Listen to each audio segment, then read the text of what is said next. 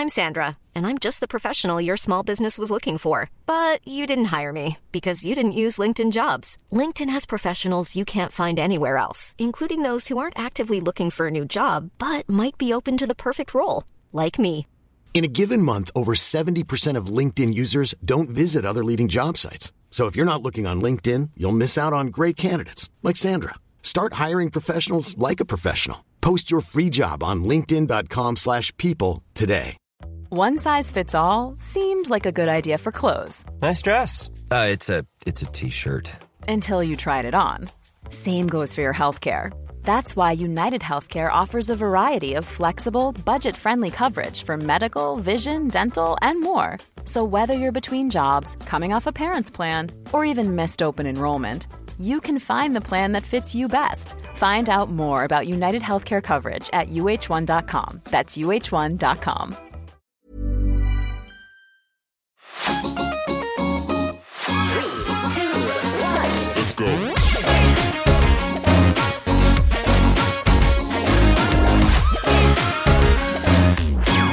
Hej och välkomna till topplistan. Programmet där vi diskuterar vilka saker i världen som är bäst och vilka som är sämst.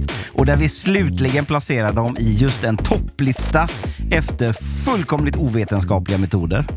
Välkommen hit som vanligt, Anna Spolander. Hur mår vi idag? Men jag mår bra. Jag, jag ber om ursäkt för min röst. Eh, den är vad den är. Men ni tycker den är okej har jag hört, så att jag mår bra. Jag har inte hört någon skillnad. eh, Nej, det låter ju alltid så här. Ja, det, det kan Gud, vara så. snyggt ändå. 48 timmar fest. Ja, Konstant. precis. Så ja. Livet är en fest, Mm. eller hur Patrik Lindberg? Välkommen. Eh, stort tack, stort tack.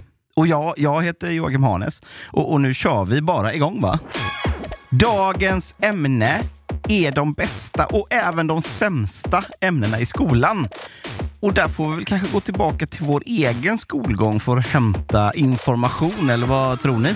Absolut.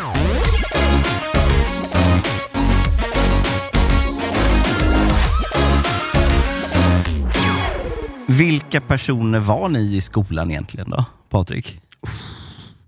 Jag vill ju säga den långe, den ståtlige, den snygge, Den coole? den coole. Men då skulle jag ju sitta här och ljuga. Jag var väl, jag var väl ganska försynt i skolan som, eh, jag var inte med i det coola gänget. Jag tydde mig mycket till det coola gänget och fick också upp, utföra liksom uppdrag och det coola gängets eh, vägnar så att säga. Inte alltid bra, hamnade ganska ofta i knipa. Eh, och de coola killarna fick då, de slapp liksom undan straff. Nästan aldrig bra egentligen va? Nej, det blev, det blev sällan bra. Faktiskt. Men du fick vara med på, liksom, på trekvarten där lite ibland? Ja, men så hade man tur bli vald trea i gympan någon gång liksom, för att få lite sympati och sådär. Så att, nej, nej, men det kändes bra. Men jag var ju liksom samma person som jag är nu egentligen, alltså supertönten. Men jag var inte den där tönten i high school-filmen som typ blir snygg när hon tar av glasögonen, utan jag var liksom bara töntig. Jag gick i en töntig klass, jag pluggade mycket. Eh, ja, men alltså, inget nytt under solen egentligen, men min utveckling fortsatte i livet. Det är samma som nu ungefär. Alltså jag var väl, så- alltså jag, jag, och det, det skulle jag säga att det, det har kanske präglat mitt liv sen också. Jag kom undan med saker hela tiden. Och det gör jag nu också. Och det betydde att jag, jag behövde inte göra sakerna helhjärtat. Jag var ganska bra på att liksom lära mig saker utan att plugga så mycket. Vilket gjorde att man gled igenom det. Men sen när det blev skarpt läge i gymnasiet så orkade jag inte liksom lägga manken till heller. Och, och då blev det som det blev. Och, och lite så socialt var det nog också. Att, att jag hängde kanske med de som var lite, lite äldre. Fast jag vet inte fan om de egentligen ville ha mig där om jag ska vara ärlig. Men det, det, det, blev så ändå. Jag hängde mycket med tjejer i nian när jag gick i sjuan till exempel. Mycket Du märkligt. låter ju ändå som att du ändå var lite cool och lite spä- Hängde man med äldre, då var man ju hamn. Så att sammanfattningsvis, så, så, jag hade ganska lätt för mig, men det har, gjorde nog eh, mig en björntjänst i slutändan. eftersom de betygen som, som gällde någonting, det vill säga när man gick i gymnasiet, de blev inte så bra eftersom jag bara liksom gled på där på något sätt. Det slutade med att du 25 år senare fick sitta i en poddfåtölj här på, på Avenyn. Ja, men, ja, det kanske, Det blev inte, det kanske inte är så dåligt Men det gick bra för dig tycker jag ändå. Men det var inget ämne i skolan i alla fall. Det, det kan vi helt klart konstatera. Eh, jag tänkte tänkte vi skulle ta lite exempel på faktiskt hur det kan gå när man inte hänger med så mycket i skolan. Och så kan vi liksom ta de här som exemplen Och så kan vi gå igenom lite vad vad det finns för olika ämnen i skolan i alla fall. Och det kanske blir högstadiet mycket, men, men det blir som det blir. Ja, vi ska börja med, med matematiken som är någon sorts flaggskepp i skolvärlden ändå. Tjo till alla på Mattecentrum, hoppas ni mår bra. Mitt namn är Dogge Doggelito och jag ska lära er någonting idag. Vi ska räkna lite eh, förstår du? Det är viktigt i livet att man kan räkna och så, så att ingen kan hassla dig på dina cash, förstår du? Det är viktigt. Så ha koll på vad som händer i din ekonomi, koll på att räkna och allting. Det är så man tar sig upp i livet, okej? Vi börjar så här. vi kör en liten enkel sån här sats och det går till så här. När jag var liten sprang jag mycket, älskade fotboll, sprang hit och dit och överallt. Och jag visste att planen var 70 meter på den sidan, på bredden. Hänger ni med, så eller? på Ja, det är det, var ja. 100 meter. Och såklart, man får inte vara dum och springa runt. Man springer emellan en genväg, eller hur? Så jag sprang alltid genvägen. Och det är det vi kan kalla det. Och eh, eh, då är min fråga till er på Mattecentrum. Hur mycket sprang Dogge när han sprang genvägen? Då skriver jag lite sån här Pyf Agora-sats. Och då ska det vara D2. Och det är kvadrat. I kvadrat. Skriver en sån här liten D2 i kvadrat. 70. Yes. Och eh, plus 100. Så. Och om vi slår på i kvadrat vad det blir, det blir 74 900. Och Han, eh, han har ju fått det här innan. 100 blir 10 000. Det här påminner ju om det, vet, när man, man ska visa hur man har gjort sin uträkning. Man har svaret, men så måste man visa hur man kom fram till det. 14 900 måste det bli, eller hur? Måste det bli? Nej, nej, vad hemskt. Är Så här, egentligen tog jag med det här klippet för, för det, det visar ju också ett exempel på en annan grej. När de ska ta in någon cool som ska visa hur det går till. Liksom. Men det, då blir det ju istället helt fel när liksom, pappa ska komma in med bakåtvänd keps på festen. Liksom. De tänker så här, han kan tala med kidsen. Ja, Men det blir ju inte bra det här. Nej, Det slutar med cykel på köpet. Ja. absolut. Hålla i stilen, cykel på köpet. Gjorde värsta dealen, cykel på köpet. Nej, men det exempel som jag egentligen ville ta för att visa hur det kan gå när man fuskar på matten, det kommer här alldeles strax. Och det är faktiskt någon som står och pratar i Sveriges riksdag, hör och häpna. Och då gör man ju bort sig om man inte har koll på matematiken. Tack herr talman och eh, tack, statsminister för rapporteringen. Vad jag kunnat sett här så har kommissionen gjort beräkningar på vad den här strategin kommer att kosta. Och det är alltså 400 000 euro. 400 000 euro motsvarar ungefär i svenska kronor 40 000 miljarder kronor. Nej, det Och är det är väldigt jag. mycket pengar.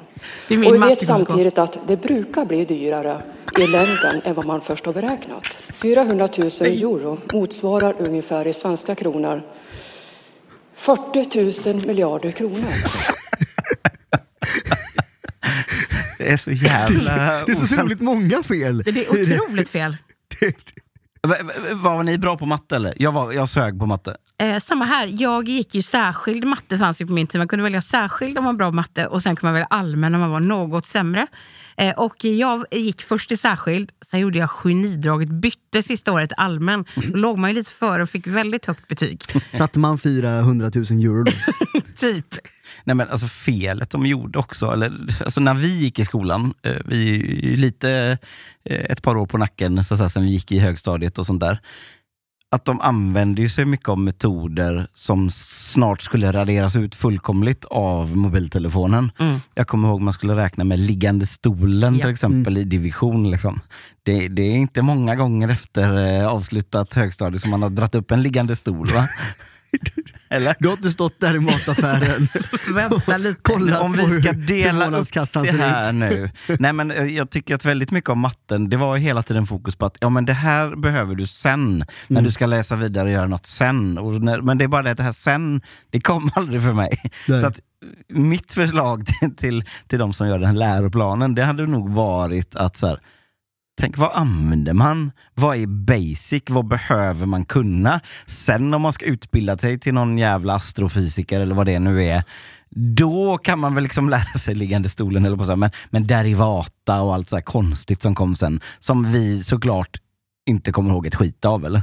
Nej, det är ju det som problemet är med nu. Vi, vi har ju en intern chattgrupp, eh, ett gäng vänner där, och det var ju, det var ju inte många dagar sedan Jocke, som jag skickade ett matteexempel ur min sons mattebok där jag ber mina vänner om hjälp eftersom jag har ett gråtande barn som inte förstår hur han ska ta sig, ta sig an den här uppgiften. Och jag säger, jag kan lösa svaret åt dig, men jag kan inte hjälpa dig med uträkningen.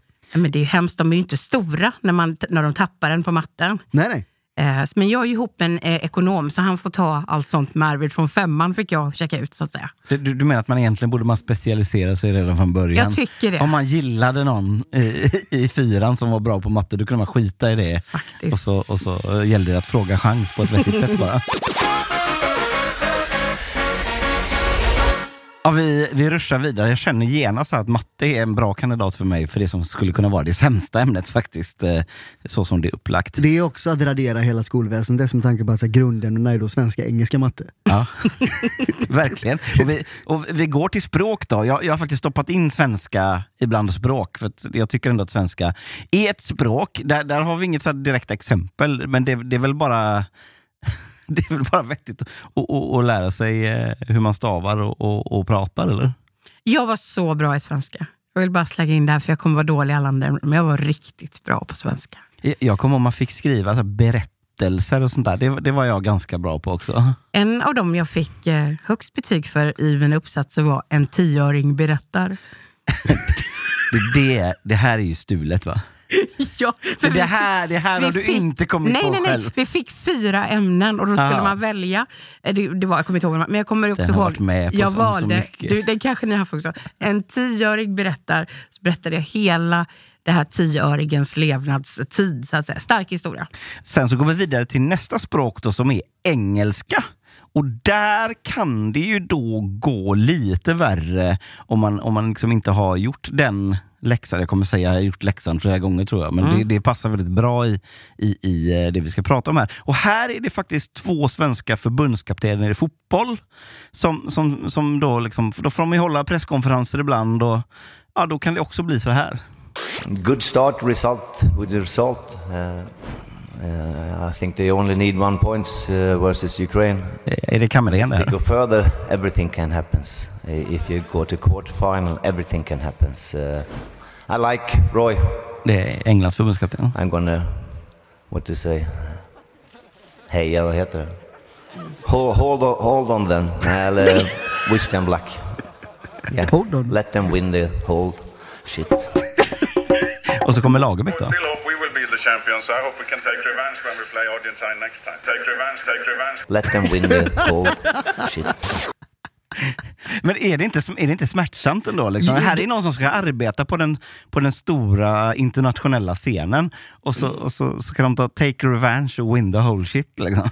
De kanske inte har varit på språkresa i Turkiet som jag var. Det kan ju vara så, för att det här, de ska också representera, det är ju pino att detta förekommer så ofta som det ändå gör. Men jag, jag tycker de här sakerna visar ändå så här, här bör man sätta in de stora resurserna i skolan. För här är ändå folk som har lyckats och som ändå har så jävla bristande basic skills i det som borde vara, ja, jag vet inte. Vi, vi har en till då från, från eh, politikens värld. Jag ska, jag ska bara eh, nämna det också för de som lyssnar. Jag har verkligen försökt att ha en jämn fördelning mellan blockgränserna i de här sakerna. I dårskapen så att Ja, säga. ja, här, här är det en, en eh, lokalpolitiker ifrån Mariestad tror jag, som ska visa upp sin stad på någon internationell mässa.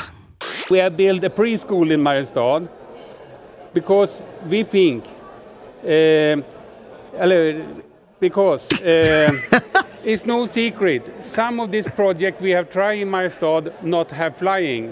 Example, one more example. In Mariestad we understood if we not if you not can tank a car with hydrogen, hydrogen, hydrogen you cannot buy it. So there the reason we buy a station. If you not can tank a car, tank a car, tank a car with hydrogen, hydrogen, hydrogen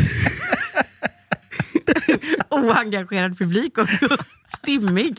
Men man får ändå ge honom att han, han, det är A for effort. Ja, sätt. han, han, han, han skäms inte för sig. Men han Han stannar kämpar som på. lokal politiker hoppas jag. Han går inte ut på den stora scenen. Det är inte en snubbe vi ser i Rosenbad snart. Nej, herregud. Kommer ni också ihåg att man valde tyska eller franska? I högstadiet gjorde Ja. vår generation det. Just I alla det. fall. Och vilka var ni då? För det säger också mycket om en person tänker jag. Vad säger det då? Jag kommer förklara det. Jag valde tyska. Jag valde Mm. franska. Fan, Ja, det, för det, jag trodde du valde tyska. Så det, Varför tror du att jag valde tyska? För du känns Det är ett jävla att, påhopp. Jo, men det känns som att du är så genomtänkt och tänker att det är ett språk jag kommer ha användning för längre fram. Så tänker jag att du tänker. Franska, de var ju lite så här spännande killarna som valde franska. Jag menar inte att du inte är det, men Men, men eh, jag, jag känner också så här, jag känner mig också lite lätt påhoppad. Eller så här, är din bild av mig att jag liksom har, har ett långsiktigt tänk i ja, allt jag gör? det är det. Lite tråkig. Nej, det tycker jag inte. utan Jag tycker du känns som att du har ordning och reda. Och det här är ju fint att jag nu får lära känna den franska sidan av dig, Patrik. Men var inte också genomgående för de som valde franska att de gick och läste det i tre, tre år på högstadiet och sen kunde de inte ens tre meningar när de gick ur nian? Var, det inte så? Jo men så kan det ha varit, men likväl Patrik, spännande var ni, ni i franska klassen. Man gick ju förbi, var det inte, valde du för att vara med tjejer i franskan? För det hade du också kunnat göra. Det skulle, kan kan det ha varit så? Likväl genomtänkt. Alltså, du, så här. Hur långt tar du dig fram på franska idag? Om, du, om de släpper ner dig i, mitt i Paris? Om jag om jag ska vara helt ärlig så är jag ju bättre på spanska, vilket är ett språk jag aldrig har läst överhuvudtaget. Ja. Så att det, nej. Och Men jag, jag hoppade ju också av franskan efter ett halvår på grund av pissjobbigt skitspråk och valde istället då att gå på den fördjupade engelskan. Vilket också var ett sätt man kunde fuska sig igenom livet. Det var ju på samma sätt som, jag läste ju musik på gymnasiet. Så fick man alltid välja ett andra instrument där, som också var betygsgrundande och det handlar ju om att få så mycket poäng som möjligt i sitt betyg. Då valde man ju självklart bas eftersom jag är gitarrist. Eftersom jag redan kunde spela bas och visste att ja, men där har jag ett MVG Började- att hämta in. Fuskandet för, för att få den, den höga poängen började redan där va? Jag tror fan det. Varför skulle jag inte göra så? Vet ni vad jag valde för andra instrument? Läste du också musik? Ja, sång. Jävla fegis du är. Fy fan. Det är ju ännu värre ju. Det fanns ju också en falang, skulle jag vilja säga, i skolan som valde esperanto. Nej, Kommer ni ihåg det? det måste det vara på gymnasiet va? Det kan vara på gymnasiet, men det var ju också ett, ett ämne som det var oerhört lätt att få bra betyg i. Och vad, apropå matten, vad skulle de använda det till sen? Nej. Det var ett sorts språk som var allomsusat, som att man kunde tala överallt. Var ett- Esperanto är väl ett påhittat språk? Som ska vara lätt att lära sig och som ska funka överallt. Men som givetvis då tydligen är för svårt att lära sig och som inte funkar någonstans. Det, det, det, är verkligen, det, det här har också kandidat faktiskt till det sämsta ämnet. Esperanto. Att lära sig, lära sig ett påhittat språk. Det är Es- ungefär som att lära sig alviska eller, eller något sånt där från Sagan om ringen-världen känner jag. Eller allmän språkkunskap som jag också valde på gymnasiet. Det är också ett ämne man kunde fuska sig igenom. Det är ganska flytande. Ja, en lärare som var upprörd för att basket inte hette korgboll för att det var eh, liksom inget bra språkbruk. Och det fick jag kanske fyra femma i. Sånt jävla fusk det här bara. Jag har ett eh, liksom, nytt ämne på gång och detta är väl, ja det är, det är stort det är det. Det är något som jag vet att man på mellanstadiet kallade för OÄ. Ja, och de tuffa sa onödigt ämne. Ah. Kommer ni ihåg det? Just det. Fan vad töntig man var. Det fanns så jävla mycket olika goa förkortningar i allmänhet. På, på, kommer du ihåg det gänget som heter IVIK? Nej. IV var ju för att man inte hade liksom fullständiga betyg. Mhm. Och det hamnar ju ofta på folk som var nyanlända in i Sverige. Hade ju då problem då, så Just de hamnar det, ofta ja. där, för då var det också med liksom annat språk i. Mm. Men det kallades ju folkmung för ingen vill, ingen kan.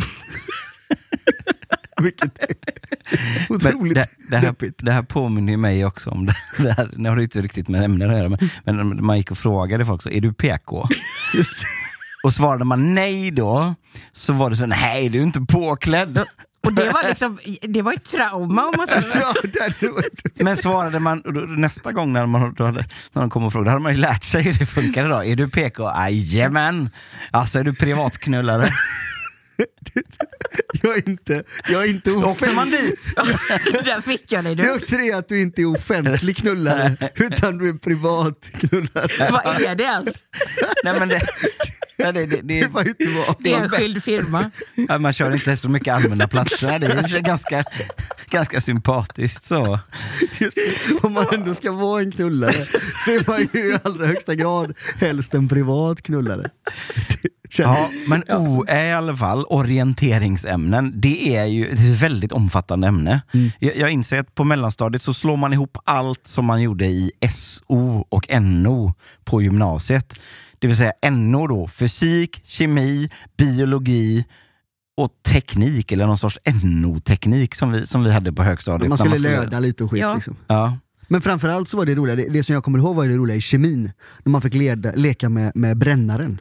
När de tog ut liksom gasolen och så fick man stå där och smälta metall och elda upp krut och så, så jävla massa spännande grejer. Så kunde man ju råka då liksom få med sig lite grejer. Jag vet att vi var, vi var även på, på en, eh, på tal om en lektion så var vi även på på klassresa till Kattegattcentret i... eh, i eh, Vilken destination. Odeppigt. jo men och då så, så skulle vi sova över på Kattegattcentret och där hade de ju såhär, det var ju för... Va- det Vänta nu, berätta nu, var, var låg det? Kattegattcentret? Var det i Varberg eller? i Danmark. Du åker båten då Varberg-Grenå, Ja, ja, så men ligger det vi i, Gre- Ja, ja, i. Grenå antar jag. Att det ligger då, eftersom man åkte i Grenå. Och oavsett då så kommer vi fram till, till själva Kattegattcentret och där var, det här är en föregångare till Universium som har det i Göteborg idag då, som har då ett stort så här, havsmuseum med bland annat den här då eh, tunneln som man kan gå i där hajarna simmar runt och ovanför. dig och sådär riktigt, riktigt häftigt. Eh, Sen käkade vi lunch där och den dagen, jag minns mycket väl att det serveras kycklingklubba och ris. För det gick otroligt mycket kycklingklubba till då eh, mitt grabbgäng som bunkrade kycklingklubba i ficka efter ficka för att vi på nätterna skulle upp och mata hajarna. Gjorde ni det då? Nej. Det är klart vi gjorde. Nej, ni kom väl inte in på Hade ni natten? tillgång? Jo, vi sov ni ju kom ju vi inte sov ju in på över. natten till hajarna. Det här är vi, ju sov, påhitt. vi sov ju över inne på Kattegattcentret. Och när du då sov över så fick man sova då i hajtunneln, du fick sova uppe och så vidare. Och så vidare, och så vidare. Eh, och då stod vi och kastade ner... Sova i hajtunneln? Det här är så coolt. Ja, då, stod- då, och sen så stod vi och så kastade vi ner då kycklingklubbor till hajarna på, eh, på natt. Så var det en kille som hette Pontus, han var så här riktigt jävla modig. Så han höll sin kycklingklubba precis på ytspänningen för att vänta. Fanns för det inga vuxna, Patrik? De sov. för, för att vänta på att hajen då skulle komma. Och härom året, inget skämt, så gjorde en annan pojke exakt samma sak och blev av med armen Jaha, på Kattegattcentret i Grenå.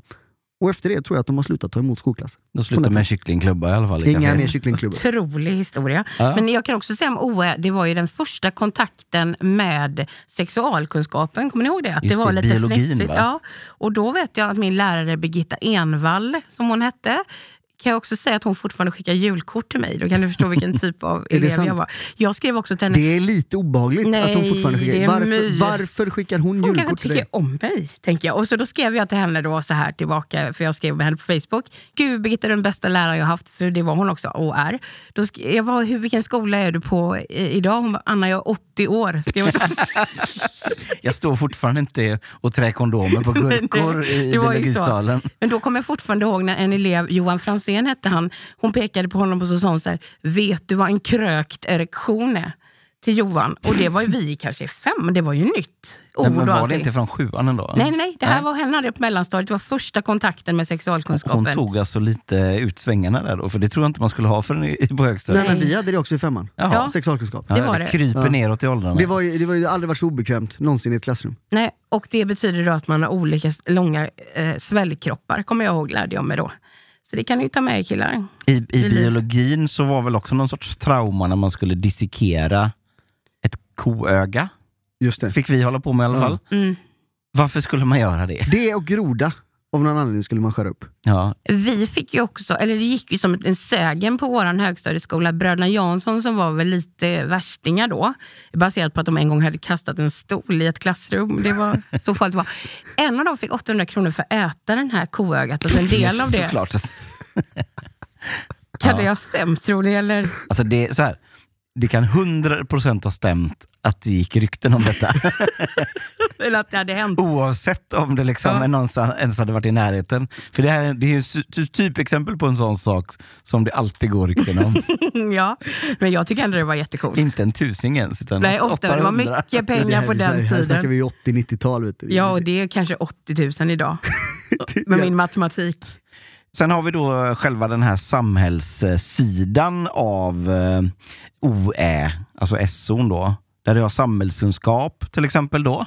Eh, här har vi någon som faktiskt är utrikesminister för Sverige vid eh, givet tillfälle. Som medverkar i eh, Aktuellt tror jag det är.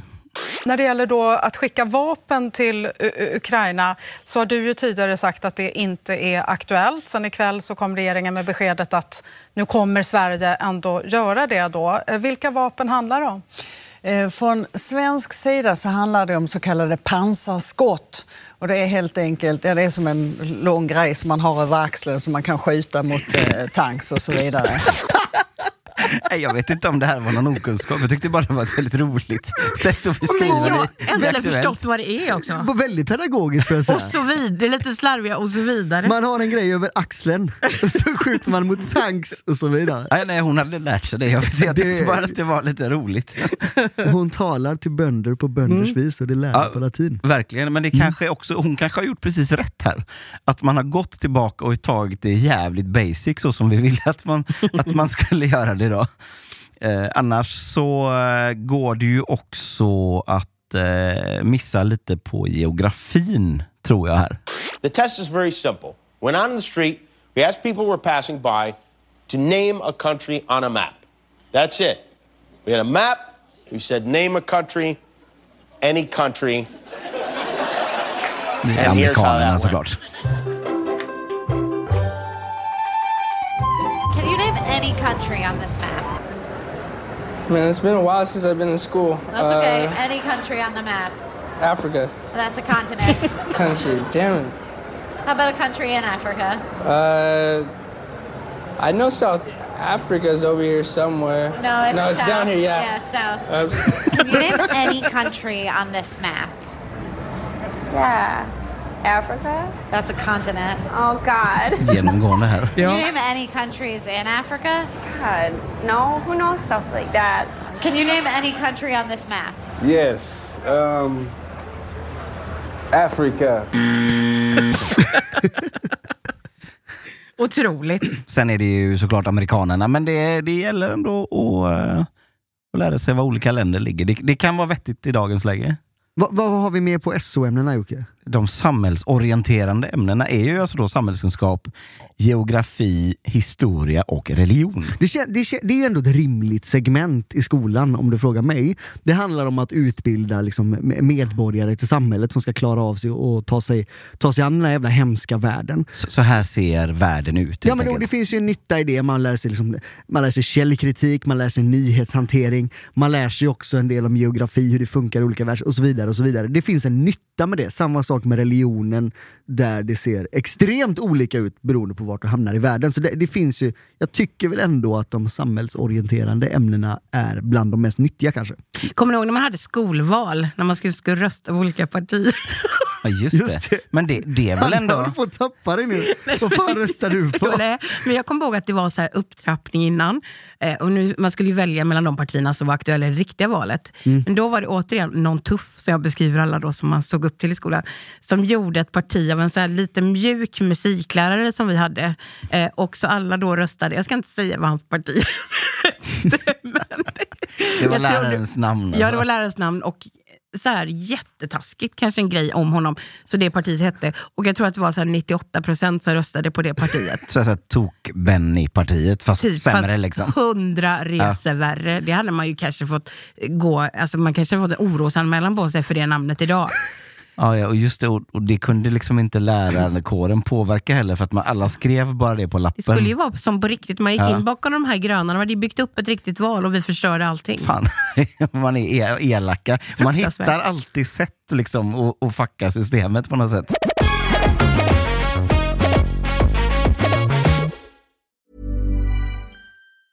There's never been a faster or easier way to start your weight loss journey than with PlushCare.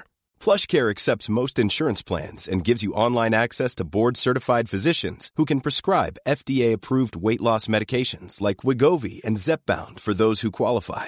Take charge of your health and speak with a board-certified physician about a weight loss plan that's right for you. Get started today at plushcare.com slash weight loss. That's plushcare.com slash weight loss. plushcare.com slash weight loss. I'm Sandra, and I'm just the professional your small business was looking for. But you didn't hire me because you didn't use LinkedIn jobs. LinkedIn has professionals you can't find anywhere else, including those who aren't actively looking for a new job but might be open to the perfect role, like me. In a given month, over 70% of LinkedIn users don't visit other leading job sites. So if you're not looking on LinkedIn, you'll miss out on great candidates like Sandra. Start hiring professionals like a professional. Post your free job on linkedin.com/people today.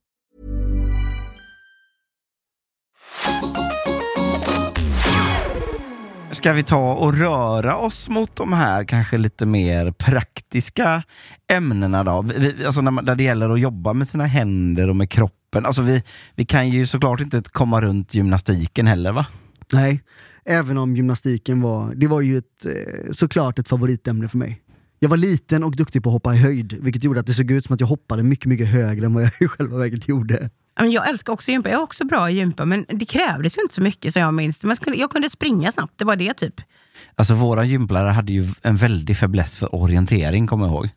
Men det, det var ju det bästa, när man hade orientering kan man ju fuska, för det visste man ju om innan det var orientering. Då tog man ju bara med en nål ifrån mammas sylåda, stod med den till skolan, sen så bangade man hela orienteringslektionen, sen så högg man Tommy Carnefors jävla lapp, för han vågade aldrig säga nej, och så bara stansar man av den då, för du klippte ju då på kontroll, eh, kontrollband. Yes. Så stansar man bara av den, gick och lämnade till lärarna så var man färdig. Men detta funkade väl aldrig? det är klart det de, de som gjorde det på vår skola, de åkte dit hela Nej. tiden. Men jag kommer också ihåg att det var många som åkte fast. De tog ett örhänge, de tuffa igen Ja. och tryckte av. Men klarade sig aldrig, för jag var en sån som fick då räcka fram min lapp, för jag vågade ju inte fuska. Så jag sprang ju runt och tog kontrollerna. Då kom det någon med ett örhänge, men jag, som jag minns det, jag vill bara säga, jag tjallade inte, utan de åkte fast liksom, för att det inte var trovärdigt. Eller?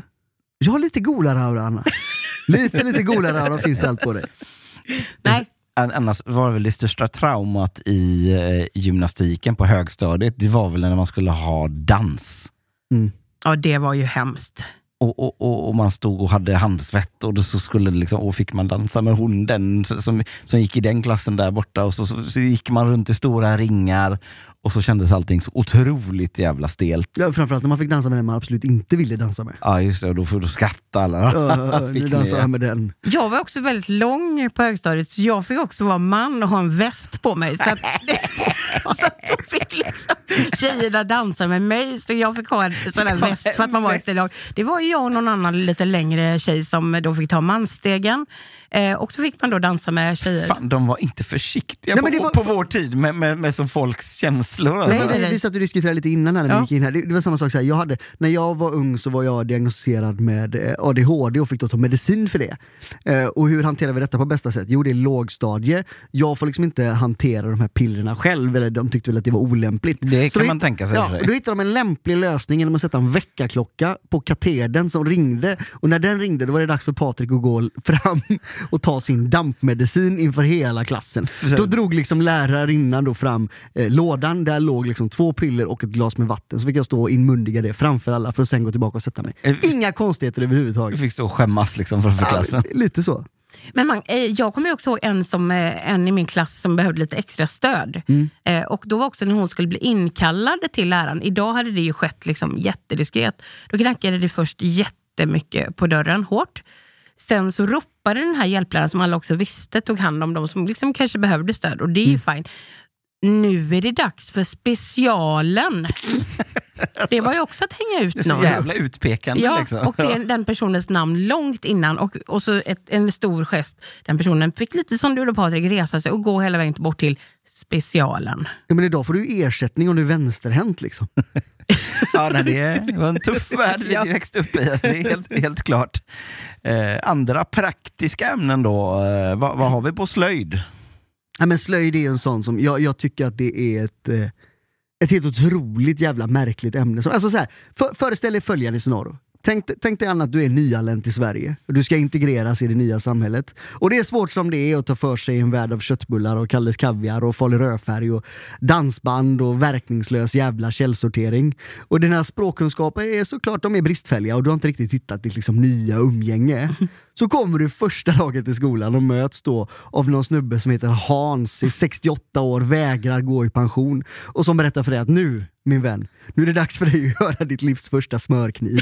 ja, men är inte det den ultimata integrationen? Jo, men, och när du sen är klar med den, då förväntas du nu, nu förväntas man att skriva sin slöjdberättelse om själva skapandeprocessen. Eh, det sistnämnda, det måste ju vara någonting bara för att man ska kunna rättfärdiga slöjdens meningslösa värld, som också är omöjlig att hitta nya lärare till. Det är därför Hans fortfarande jobbar. Ja, men hur länge pågår slöjdgalenskapen då? Nej, bara hela låg-, mellan och högstadiet. och när du väl står där färdigutbildad inom slöjd med kunskaper som att hyvla plank, stöpa ljus, tälja smörkniv eller såga till ytterligare ett jävla skohorn som, som möts av din första hantverkarmotgång så fort en gipsplugg ska sättas i väggen hemma. Om du bara hade haft svarven tillgänglig då hade du kunnat fräsa ut fyra nya bordsben till tvn. Det lärde du dig nämna redan i mellanstadiet. Jag kommer ihåg syslöjden. Jag var väldigt dålig i syslöjd. Och eh, då gjorde jag min enda revolt tror jag någonsin har gjort i skolan. Eh, alla skulle virka kaktusar. Fick ni göra den grejen? Eh, nej, det, här låter som, det här låter som mellanstadiet va? Mm, det här var mellanstadiet. Då sa jag nej, stopp jag vill inte göra en kaktus, jag vill göra en gris istället. Eh, och då gjorde jag också en gris bestraffningen för detta var då ett, att hon ringde hem till mina föräldrar och sa att jag liksom hade problem. Har du trotsat? Ja. Två, jag fick vara nålvakt hela terminen. Kommer ni ihåg nålvakt? innebär det? Jo, eh, det här, är sånt, det här är hemskt också, apropå att hur man fick göra med elever förr i tiden. Då fick jag så här, stanna kvar, alla kunde gå hem eh, från lektionen, så Anna du stannar lite. Då fick jag en lång pinne med en magnet längst ut och så fick jag gå runt och söka efter nålar som folk hade tappat. Ja, just Som någon jävla metalldetektor. Exakt, och så fick jag plocka upp. Sen när alla nålar hon bedömde då, den här läraren, eh, bedömde att nu är det rent från nål, då fick jag gå hem. Det är ändå ett, ett fint sätt att liksom, få det här uppdraget att låta lite viktigare än vad det är. Att man är nålvakt, det är ungefär som de som var skolpoliser. så kommer ni ihåg det? Ja. Fatta vad sjukt det var! Jag kan berätta då för de som inte var med på den tiden. Skolpoliser, då stod de alltså på mellanstadiet, då var det elever som gick i femman tror jag när det var övergångsställen över den ganska trafikerade Onsdalavägen där, där, jag gick i skolan. Då, då satte de dem som ansvariga för, för när de yngre eleverna fick lov att gå över vägen. Fick de stå med någon sorts orange väst på sig. Och det var en visa- poncho. Ja, så, så får de slå ut med armarna när man inte fick gå och när man fick gå tror jag de höll ihop armarna. Otroligt att de ger det ansvaret till folk som går i, i fyran, femman. Men det var ju också så att de som var bäst skolpoliser fick också åka till Liseberg i slutet av terminen. Oklart hur de plockades ut, för det var ju nya skolpoliser varje vecka. Men i syslöjden minns jag ju också då, apropå att man ska försöka glorifiera saker och, och höja upp dem. Det är kanske är så de måste jobba i slöjden. Ni fick ju också ta körkort för eh, symaskin va? ja, absolut. Då fick man sy en rak söm och en zigzag på ett jävla A4-papper. Du skulle också kunna trä din spole, det var jävligt viktigt. Ja, det var det svåra va? Inget curlande här, Det svåra var att, få upp undertråden va? Man skulle göra någon form av fiskmanöver där så man skulle plocka med sig den upp ju. Mm. Jag minns så väl att den kostade 115 kronor den spolen. Det fick jag höra 150 miljoner gånger när jag slarvade bort den.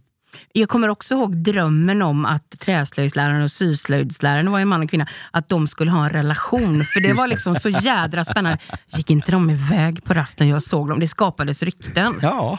Generellt liksom romanser bland lärarna, det var ju, nu är det igen mitt tragiska kärleksliv som ung, men det var ändå lite spännande tycker jag. För att det följde deras som en sorts dokusåpa. Det var så som jag levde för Ja, det. men, ja, men detta var ju innan dokusåpor, innan sociala medier. Det var det de här, det var, det var ju liksom våra kändisar på skolan. Ja. Träslöjdsläraren precis, som gick iväg. Ja, ja herregud.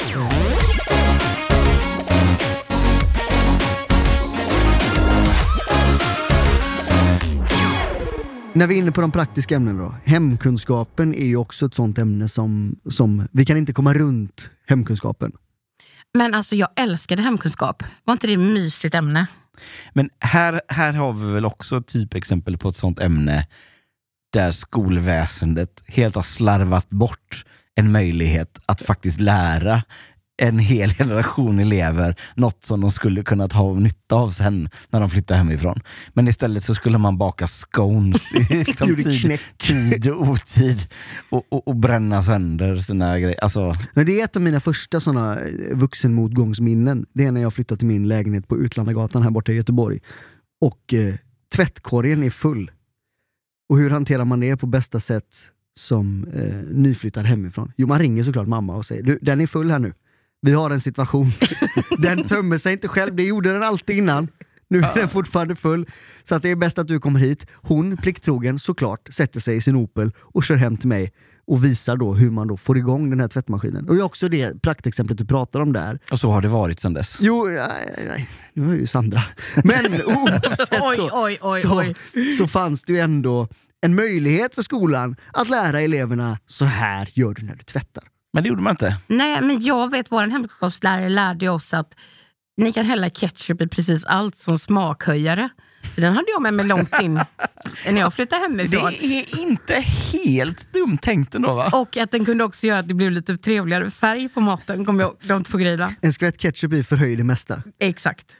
Men annars är såklart hemkunskapen en, en perfekt arena för när man ville vara lite jävlig som man ville vara på högstadiet. Det gick ju jättebra att gå runt och vrida på eh, my- mycket högre gas på, på, eh, på ugnar och hälla i massa salt i, i tjejernas eh, bunkar och grejer. Det, ett, ett ämne som verkligen var upplagt för att man ska sabotera allt Det är annat. inte oväntat att det pe- penalistiska draget hos dig dök upp här under hemkunskapen. Mm, men då, fick man, då framstod man ju själv som så mycket bättre också. Titta, mina scones smakar jättebra. Men var man inte också två och två? Så att man hade man tur hamnade med någon som, jag var med en som hette Andreas, han var svinduktig. Då kunde man ju också få ett jättebra betyg utan att man gjorde sådär jättemycket. Det bästa med grupparbetet. Ja, så mysigt. Man hade som flax och så fick man precis rätt person i gruppen och bara, fan vad gott, jag går hem. det blir bättre att jag inte är här för alla.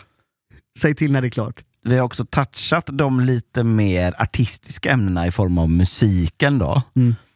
Det är också ganska oklart vad, vad den gjorde på schemat egentligen. Eller? Det, det är, så här, är du bra på att spela gitarr? Är du dålig? Det, det, har, det har inte jättemycket med saken att göra i högstadiet eller? Men känns det som att vi kan cancellera halva skolgången egentligen? Känns så. Ja, Vi börjar ju närma oss det nu. Hemkunskapen gör fan ingen nytta om du inte ska lära dig att baka scones. Slöjd är bara för att Hans ska ha ett jobb. Eh, sen så har vi sy slöjd, lika lika jävla meningslöst. Och Det är för att Hans ska ha någon att gå iväg med på rasterna. Jag skulle i och för sig vilja pusha för att trä, äh, träslöjdsläraren snarare skulle heta Lasse. Min träslöjdslärare i högstadiet, han heter Heinz. Hans första lektion så berättade han för oss att han heter Heinz och det betyder inte ketchup. Apropå ketchup. Men vi närmar ju oss också ett av de härliga ämnena, nämligen bild. Där man under tre år i högstadiet får gå och lära sig att måla, rita. Var inte också bildläraren antingen typ skolans fixstjärna eller någon som eh, misslyckades som närde konstnärsdrömmar? Det var liksom alltid någon som hoppade in som vikarie eller någon som i mitt fall då var en sån riktig stjärna på skolan som alla såg upp till. Alltså det här, de misslyckade konstnärsdrömmarna, det känns som en, det känns som en väldigt eh, bra personprofilering. För det är nog väldigt lätt att hamna som bildlärare. Precis som om en misslyckad musiker kanske kan hamna som musiklärare, eller vad tror vi? Ja, både ja och nej. Det känns som att så här, musikern ändå kan ha, han har såna drömmar om att lära ut för att skapa framtidens artister. Medan bildläraren oftast var någon sorts bitter jävla vinpimplare bara.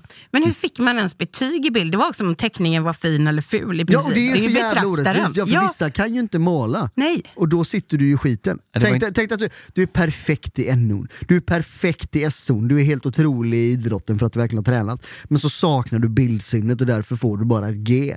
Och så kommer du inte in på den där läkarlinjen eller vad det nu var du ville in på. Ja, för det var ju inte, det var inte så mycket att man lärde sig hur man skulle rita.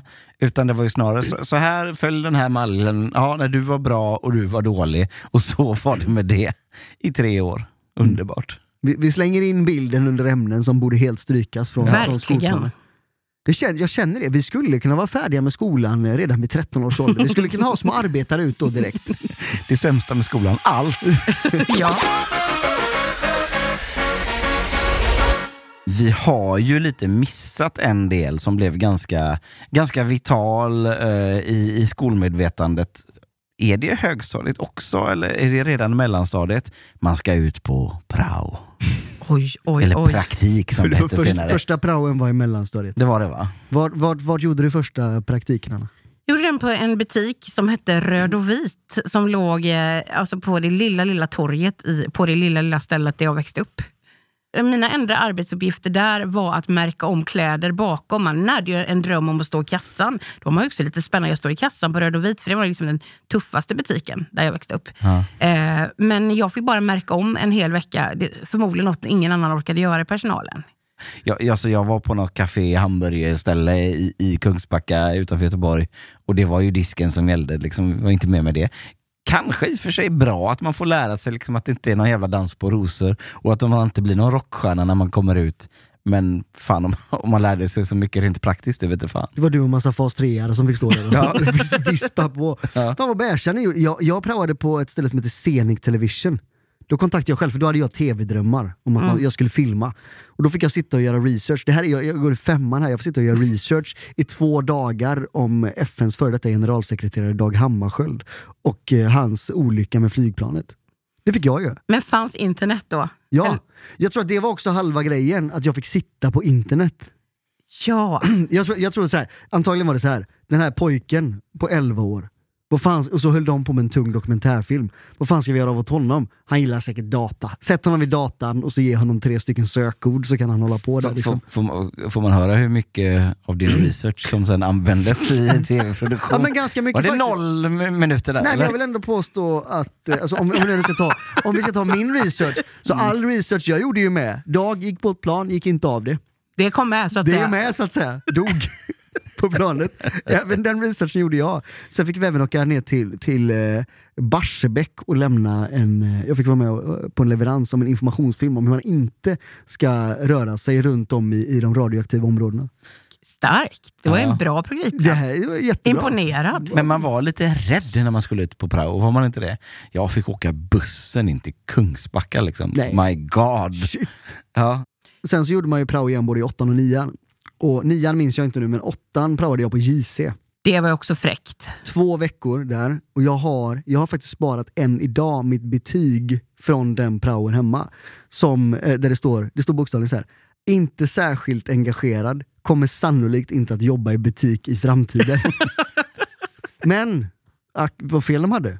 Vad gjorde jag sen Jocke? Ja, ja, du har ju jobbat i en sån här, på ett sånt här byggvaruhus. Jag jobbade i butik sen. Ja. Right back at you, Där fick du Anja, dem. eller vad fan det nu hette. På JC, som har gått i konkurs va? Där fick ni. Kan, kan ni ha, era jävla svin. Ni sa att jag inte skulle lyckas. Titta Men på mig nu. Titta på mig nu, där stod jag sen i min gula tröja. Jag har tyvärr och, så, och sålde toalettstolar.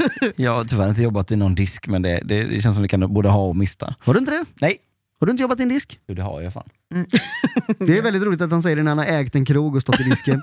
Ja. Jag och Patrik, vi har ju ägt en krog tillsammans och jag, jag har ju stått i disken där. Och den krogen den gick ju också i konkurs under pandemin, precis som JC. Så att där har vi en cirkelslutning av format. Vackert Ja. ändå. Praon gjorde ändå någon sorts nytta. Så fint. Det var det som gjorde det. Det var det som gjorde det. Ja, men då ska vi ta och, och, och liksom ranka de eh, bästa och de sämsta ämnena. Mm. Och vi börjar med de bästa. Men jag kan lite känna här att det är ett ämne som liksom genom sin eh, formering så att säga outsmartar de andra ämnena fullkomligt. Och jag tror att det är OÄ. Ja, Men det är ju ett otroligt ämne för det inrymmer ju då typ Jesus, Ekvatorialguinea och, eh, Pansarskott. svällkro- och svällkroppar i samma ämne. det, det, alltså den spännvidden är ju otrolig. Men det är också som att, det är som att säga att skolan är ett bra ämne. Ja, men det, är, Det är alldeles för brett. De, de, de har verkligen, där har de jobbat ihop det på mellanstadiet, så vi kan inte ha så mycket olika ämnen, utan vi tar ett ämne och så stoppar vi in allt i det. Superämnet OÄ. För då har vi alltså svenska, engelska, matte, slöjd och eh, gympa och sen har vi OÄ. Det är de sex ämnena som existerar i det fallet. Ja, nej, det är, Ja, ja, bra då, jobbat. då. Otroligt ämne. OÄ, OÄ med. Det är det vi har nytta av. OÄ är det bästa skolämnet, helt, helt klart. Och det får inte plats några andra på, på topp tre eh, efter detta va? Nej det gör det inte, helt klart. De sämsta däremot, där är det lättare att börja grotta ner sig. Ska vi, ska vi försöka utse något sorts ämne som är det vi borde stryka från den svenska skolplanen i allmänhet? Om, om du får ta ett ämne då Patrik. Ja, men jag fastnar ju för träslöjden. Jag tycker att den är, den är så fruktansvärt given. Du går genom träslöjden under låg, under mellan, under högstadiet och när du väl lämnar den här jävla träslöjdsalen för sista gången så kan du inte ett jota om verkligheten. Däremot är du en jävel på att hyvla till skohorn. Nej, men jag måste ju här återigen ta upp bilden, för jag tycker den är diffus. Alltså, jag känner att du har haft nytta av dina skohorn. Eh, ja, men det tycker jag är viktigt. Men bilden, rita en teckning. Vi fick också rita ett stilleben, rita en vinflaska och en baguette och så kunde man få betyg på det. Och det är också så här, när man går och tittar på konst, man kan inte recensera konst vill jag säga, utan Nej, bort med bild. Helt Bort med meningslöst. bild. Eller stoppa i alla fall in något element där man lär sig någonting. Ja. Inte bara du är bra eller dålig på att rita. Men, men det var ju också så att man var ju antingen bra på bild eller idrott. Kan det vara så att bild var någon sorts kompensationsämne för de som inte klarade av att hoppa häck så att som, säga? som yin och yang, liksom. Ja, men lite så. antitesen. Det är en bra tanke Patrik, då kanske den är viktig ändå. Men jag vill ändå slå fast att jag inte vill ha kvar bild. För att de som inte är bra på idrott är är ju ofta de som kan ha lätt att hamna i mobbing och då ska de få liksom deras time to shine. Och då står Anita Martinsson där och pratar om färg 36, hur viktig den är och hur fint han sätter skuggningarna. För att upprätthålla balansen i det hårda högstadiet så, så, så finns bilden för, för, för, för att ha motvikten till gymnastiken. Och Är den är vill stackars Anna döda för töntarna. Men nu känns det ju jätteelakt att jag vill döda den här. Men jag gör det ändå. Anna hatar töntarna. det, det, det är det som är hela hennes grej. Usch. Får, får jag slänga in en, en bubblare här? Ja. Som, som, som jag bara insåg här nu också, jag tror inte att den finns längre. Så den kanske diskar sig själv från, från, att, från att bli struken eftersom det kanske redan har blivit det. Men när jag gick på mellanstadiet så hade vi maskinskrivning Mhm. med skrivmaskiner. Den, den har ju övergått nu till vad som kallas för datorkunskap. Ja. Men jag hade även datorkunskap och det enda vi gjorde då var att spela ett spel som heter Canmis när man skulle flytta över några som åkte i en båt så de inte blev uppätna av en kannibal. Men med tanke på utvecklingen som är inom data, så det som jag lär mig idag är ju borta imorgon. Ja men så är det. Så, så det, det måste ju vara ett fullkomligt värdelöst ämne. Liksom. Lär dig allt om det som var aktuellt igår och sen så imorgon så, så finns det inte längre kvar. Nej för jag känner att jag måste ju vara sista generationen som lärde mig skrivstil. Ja, det är du säkert. Skrivstil till maskinskrivning till datakunskap. Som, så här, det, är bara, det var förlorade timmar. Så att, eh, jag, jag nominerar då hela det här paketet med saker som man lär sig som är inaktuellt redan innan man har avslutat kursen. Ja, men då tror jag att vi ska göra ett ganska lätt jobb här idag och, och gå till röstning och eh, utse det sämsta skolämnet. Det som borde strykas ur läroplanen. Mm. Får jag börja rösta? Det får du. Då vill jag rösta på, eh, man får inte rösta på sig själv, är det, är det ju då sagt. Eh, jag gillar ju ändå tradition, jag tycker att det är bra att barnen lär sig liksom att eh, bokstavera, att skriva fint, sådär, för att jag tycker också att det är en kunskap som försvinner mer och mer. Så jag tycker att det finns en nytta, en delvis nytta i att lära sig liksom, finskrivning med någon sorts twist, det vill säga att du ska, du ska behärska att skriva för hand. Eh, vilket gör att jag såklart, jag vurmar inte för töntarna Anna. Bilden måste bort. Precis som du Bilden känner. måste dö. Bilden ska dö. Nej, och för mig är det också superenkelt. Det finns ett ämne som, ja det kanske har lite sexig inramning med att lärarna i de olika genrerna och det här ämnet kan ha en relation. Det är bara ditt liv. Det är bara jag ja. Skvaller Anna. har Låt mig få ha det livet, vill jag bara säga. Är så jävla roligt att de sa relation. Men tänk att när man ändå såg ryggarna gå iväg mot skogen, som jag ändå tyckte att jag gjorde. Skitsamma, jag röstar på dig Patrik. Träslöjd bort! Tack. Ja, men jag får faktiskt eh, hålla med Anna lite här. Nu finns det TikTok, det finns internet, det finns riktiga kändisar. Vi behöver inte den här påhittade romansen mellan träslöjd och syslöjd. Stryk slöjden, gör något vettigt med tiden. Så, slöjd, det sämsta ämnet i skolan. Grattis! Första segern. Äntligen! Som jag väntat på den här.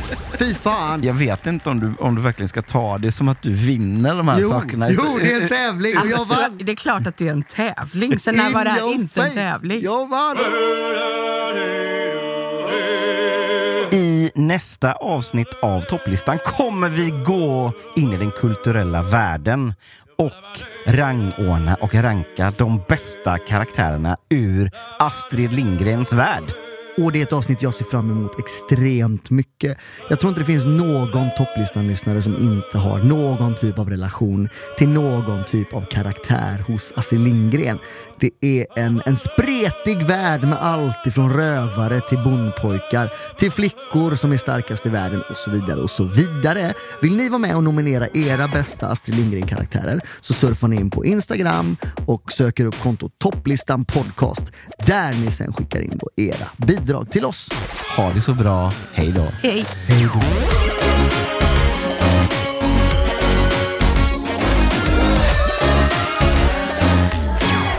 Thank you for listening to this Polpo original. You've been amazing.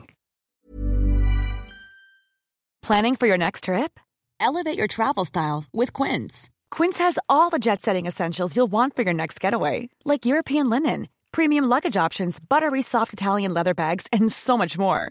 And is all priced at 50 to 80% less than similar brands.